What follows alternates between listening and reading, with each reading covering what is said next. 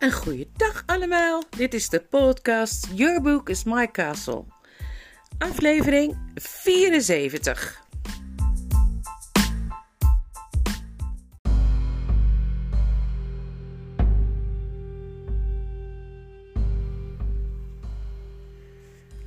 Hoofdstuk 12.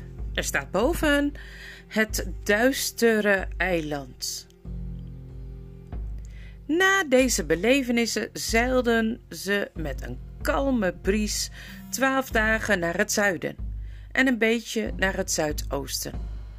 De hemel was meestal onbewolkt, de lucht voelde warm aan en vogels of vissen zagen ze niet, behalve toen ze één keer in de verte aan stuurboord walvissen zagen die water omhoog spoten. Lucie en Rippertjeep zaten in die tijd vaak samen te schaken. Toen, op de dertiende dag, zag Edmund vanuit het kraaiennest iets dat eruit zag als een grote, donkere berg die over de boeg aan bakboord oprees uit de zee. Ze veranderden hun koers en voeren in de richting van het eiland. Het grootste stuk moesten ze roeien, want de wind kwam niet uit de goede richting om hen naar het noordoosten te brengen. Toen de avond viel, waren ze er nog steeds een heel eind vandaan en de hele nacht roeiden ze door. De volgende ochtend was het mooi weer, maar windstil. Voor hen lag de donkere massa. Nu al veel dichterbij en veel groter, maar nog steeds een beetje wazig, zodat sommigen dachten dat het nog steeds een heel eind weg moest zijn en anderen dachten dat het een mistbank was die ze zo meteen binnen zouden varen. Om een uur of negen die ochtend waren ze er plotseling zo dichtbij dat ze konden zien dat het helemaal geen land was en zelfs geen mistbank. Het was duisternis is nogal moeilijk uit te leggen. Maar misschien kun je ongeveer begrijpen hoe het was als je je voorstelt dat je naar binnen kijkt door de ingang van een spoortunnel. Een tunnel die of zo lang of zo bochtig is dat je het licht aan het eind niet kunt zien. En dan weet je wel hoe het er daaruit ziet. Een meter de tunnel in, zie je de rails en de bielsen en het grind nog bij helder daglicht. Dan komt er een stuk waar ze in de schemering liggen en dan verdwijnt alles. Maar natuurlijk zonder een scherpe afscheiding helemaal in de dikke zwarte duisternis. Hier was dat net zo. Een meter of wat voor de boeg uit konden ze de deining van het zonnige blauwgroene water nog zien. Daar voorbij was het water grijs en vaal, zoals het er laat op de avond uitziet, maar daar weer achter lag diepe duisternis alsof ze bij de rand van een maanloze, sterrenloze nacht waren gekomen. Caspian schreeuwde tegen de bootsman dat hij moest inhouden en behalve de roeiers kwam iedereen naar voren gerend en bleef er over de boeg naar staan staren. Achter hen lag de zee in het zonlicht en voor hen duisternis. Varen we daar naar binnen? vroeg Caspian tenslotte. Ik zou het u niet aanraden, zei Drinian. De kapitein heeft gelijk, zeiden verschillende matrozen. Dat geloof ik ook, zei Edmund. Lucie en Eustace zeiden niks, maar waren in hun hart heel blij dat het zo leek te zullen aflopen. Maar onverwachts werd de stilte verbroken door de heldere stem van Rippertjeep. En waarom niet? zei hij. Kan iemand me misschien uitleggen waarom niet? Niemand had er veel zin in om hem dat te gaan uitleggen, en dus ging Rippertjeep verder. Als ik tegen eenvoudige mensen van het land stond te praten of tegen slaven, zei hij, zou ik nog kunnen voorstellen dat dit voorstel voortkwam uit lafheid. Maar ik hoop niet dat er ooit in Narnia rondverteld zal worden dat een gezelschap van edelen en koninklijke personen in de kracht van hun leven op de vlucht is geslagen omdat ze bang waren in het donker. Maar wat heeft het voor nut om een beetje door die duisternis te gaan varen? vroeg Drinian. Nut, antwoordde Rippertjeep. Nut, kapitein. Als u met nut bedoelt of het onze maag of onze portemonnees kan vullen, dan geef ik toe dat het geen enkel nut heeft.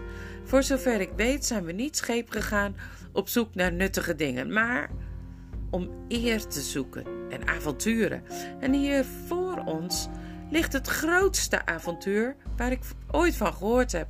En als we terug zouden gaan, zouden we allemaal ernstig afbreuk doen aan onze eer. Verschillende matrozen mompelden iets onverstaanbaars. Dat klonk als: je kan de boom in met je eer. Maar Caspian zei: Hé, ik krijg wat van jou, Rippecheep. Ik zou bijna zeggen: Ik wou dat we jou maar thuis gelaten hadden. Vooruit dan maar. Als je het zo stelt, zullen we wel verder moeten, neem ik aan. Of wil Lucie misschien liever niet? Lucie wilde inderdaad liever niet, maar het enige dat ze hardop zei was: Ik doe mee. Maar uw majesteiten laat toch tenminste de lichten wel aansteken, zei Trinian. Tuurlijk, zei Caspian. Laat de lichten aansteken, kapitein. En zo werden alle drie de lantaarns, één aan de voorsteven, één aan de achtersteven en het toplicht in de mast aangestoken. En liet Trinian midscheeps nog twee fakkels aansteken. Ze zagen er bleek en zwak uit in het zonlicht. Daarna werden alle mannen, behalve een paar die beneden aan de riemen moesten blijven, aan dek geroepen, volledig bewapend en in hun gevechtsposities opgesteld, met hun getrokken zwaarden in de hand. Lucie werd samen met twee boogschutters naar het kraaiennest gestuurd, met hun bogen gespannen en een pijl in de aanslag. Rijnelf stond op de boeg met zijn schietlood klaar om de diepte te peilen. Riepecheep, Edmund, Eustace en Caspian stonden bij hem, glinsterend in het harnas. Trinian nam de helmstok. En u, in de naam van Aslan, voorwaarts, riep Caspian. Roeien met een lange, rustige slag. En laat iedereen stil zijn en zijn oren open houden voor de bevelen. Kreuken, kreunend en krakend begon de dageraad vooruit te kruipen toen de mannen begonnen te roeien. Lucie kon, boven in het kraaiennest, prachtig zien hoe ze van het ene moment op het andere de duisternis invoeren.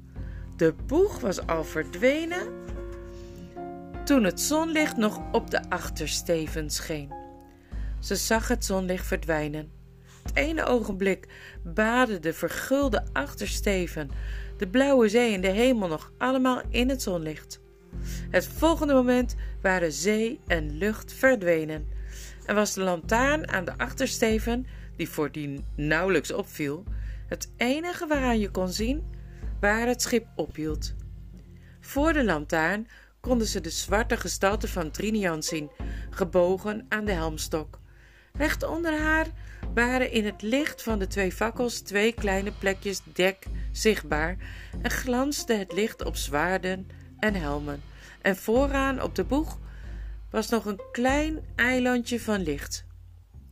Verder leek het kraaiennest, verlicht door het toplicht dat vlak boven haar in de mast hing, een klein wereldje van licht dat eenzaam door de duisternis dreef. En zoals altijd als je licht aan hebt op het verkeerde moment van de dag, zagen de lichten er zelf spookachtig en onnatuurlijk uit. Ook merkten ze dat ze het koud kreeg.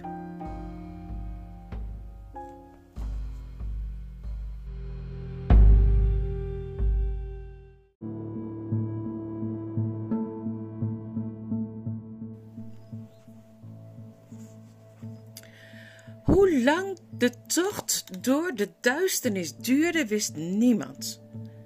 Afgezien van het kraken van de roeidollen en het plassen van de riemen, kon je nergens aanzien dat ze echt voeren. Edmund, die op de boeg naar voren stond te turen, zag niets dan alleen de weerschijn van de lantaarn op het water voor zich. Het spiegelbeeld zag er een beetje stroperig uit en de rimpel die hun voortglijdende voorsteven maakte, zag er klein, log en levenloos uit. Naarmate de tijd verstreek, begon behalve de roeiers iedereen te rillen van de kou. Opeens klonk er ergens vandaan, ze waren allemaal hun richtinggevoel een beetje kwijtgeraakt, een schreeuw. Een gekrijs dat van de stem van een vreemd wezen afkomstig moest zijn. Of als een menselijke stem was van iemand die zo bang was dat hij bijna niet menselijk meer was. Caspian was nu was nog aan het proberen iets te zeggen, zijn mond was kurkdroog, toen de schelle stem van Rippercheep, die in die stilte harder klonk dan anders, zich liet horen. Wie roept daar? riep hij hoog. Als je onze vijand bent, vrezen we je niet. En als je, onze als je onze vriend bent, zullen we je vijanden wel leren om voor ons te vrezen. Genade! schreeuwde de stem. Genade! Zelfs als jullie alleen maar weer een nieuwe droom zijn, heb medelijden met mij. Neem me aan boord, neem me mee. Zelfs als jullie me doden willen. Maar in de naam van alles wat genade is, verdwijn niet zomaar. Laat me niet op dit afgrijzelijke eiland achter. Waar ben je dan? riep Caspian. Kom maar aan boord, wees welkom. Toen klonk er opnieuw een schreeuw. Van blijdschap of van angst? En daarna hoorden ze hoe er iemand naar hem toe kwam zwemmen. Zorg dat je klaar staat om hem binnenboord te hijsen, mannen, zei Caspian. Jawel, majesteit, zeiden de matrozen. Er dromde er een aantal naar de reling aan bakboord met touwen en één hield er een fakkel vast, terwijl hij ver over de zijkant van het schip leunde. Een wit, verwilderd gezicht werd zichtbaar in het zwarte water en toen werd de vreemdeling met wat geschuifel en sjorren door een stuk of twaalf vriendelijke handen binnenboord gehezen. Edmund had nog nooit iemand gezien die er zo verwilderd uitzag. Hoewel hij verder nog niet oud leek, had de man een warrige bos spierwit haar. Zijn gezicht was mager en ingevallen en de enige kleren die hij aan had waren een paar natte vodden die los om zijn lijf hingen. Maar wat het meest opviel waren zijn ogen, die zo wijd opengesperd waren dat het wel leek alsof hij helemaal geen oogleden had en die strak voor zich uitstaarden alsof hij doodsangsten uitstond. Zodra zijn voeten het dek raakten, zei hij: Vlucht, vlucht! Gooi het roer om en vlucht! Roeien! Roei voor je leven! Weg van dit strand! Bedaar, zei Rippertjeep. Vertel ons eerst eens wat voor gevaar er dreigt. Wij zijn niet gewend om op de vlucht te slaan. De vreemdeling schrok verschrikkelijk toen hij de stem van de muis hoorde, die hij tot nog toe over het hoofd had gezien. Jullie moeten toch vluchten, weg van hier, hijgde hij. Dit is het eiland van droom, waar dromen waar worden. Dat is nou precies, precies het eiland waar ik al die tijd al naar op zoek ben, zei een van de matrozen. Ik heb altijd gedacht dat ik dan opeens met Nancy getrouwd zou blijken te zijn als we hier aan land gingen. En ik zou ineens Tom weer levend voor me zien staan, zei een ander. Idioten, zei de man. Hij stampvoette van woede. Door dat soort praat ben ik hier juist terechtgekomen. En ik had beter kunnen verdrinken of nooit geboren kunnen worden. Horen jullie niet wat ik zeg? Hier worden dromen, dromen. Begrijpen jullie het goed? Hier worden ze waar, werkelijkheid. Geen wensen, geen dagdromen, echte dromen. Het was even heel doodstil en toen stortte de bemanning zich met een geweldige rammel van hun wapenrustingen door het hoofdluik naar beneden, zo vlug als ze maar konden. Ze vlogen naar de roeiriemen en begonnen te roeien zoals ze nog nooit geroeid hadden. En Drinian gooide het roer om en de bootsman gaf de snelste roeislag aan die ooit op zee was gehoord. Want in die paar tellen had iedereen zich bepaalde dromen weer herinnerd die ze wel eens hadden gehad. Dromen waar je bang van wordt. Dat je niet meer durft te gaan slapen. En hadden ze begrepen wat het nou betekent om op een eiland terecht te komen waar je dromen werkelijkheid worden? Alleen Rippertje bleef onbewogen. Majesteit, majesteit, zei hij, laat u dit zomaar toe? Deze muiterij, deze lafheid? Dit is gewoon paniek. Dit is een bende. Roeien, wilde de Caspian. Roeien voor ons leven. Gaan we de goede kant wel op, Trinian? Je kunt zeggen wat je wil, Rippercheap. Er zijn dingen die geen mens onder ogen kan zien. Dan heb ik het geluk dat ik geen mens ben, antwoordde Rippertjeep met een stijf buigingje. Lucie had daarboven in het kraaiennest alles gehoord en meteen schoot die ene droom, die ze juist het hardst probeerde te vergeten, levend in haar gedachten, alsof ze er net uit wakker geworden was. Dus dat lag voor hen, op dat eiland daar, in het donker. Heel even had ze het liefst naar beneden willen gaan, naar het dek, om bij Edmund en Caspian te zijn. Maar wat had je daaraan? Als dromen waar begonnen te worden, konden Edmund en Caspian wel in iets afschuwelijks veranderen, zodra ze bij hen kwam. Ze greep zich vast aan de reling van het kraaiennest en probeerde kalm te worden. Ze roeide zo hard ze konden terug naar het licht. Nog even en dan zou alles weer goed zijn. Maar och, kon het nu maar vast weer goed zijn.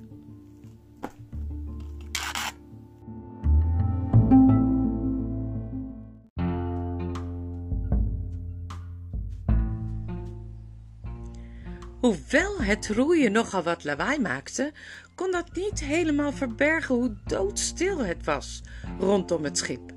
Iedereen wist wel dat het veel beter zou zijn als ze er niet op letten en niet met gespitste oren zouden luisteren naar geluiden in de duisternis, maar ze konden er niets aan doen. Ze stonden allemaal te luisteren. En al gauw verbeelde iedereen zich dat hij iets hoorde. En iedereen hoorde iets anders. Hoor jij ook het geluid van een hele grote schaar die open en dicht gaat daar ginds? vroeg Eustace aan Rijnelf.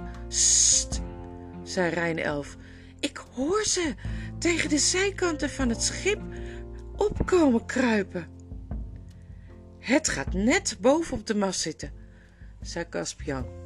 Ah, zei een matroos. Daar beginnen die gons te slaan. Ik wist het wel.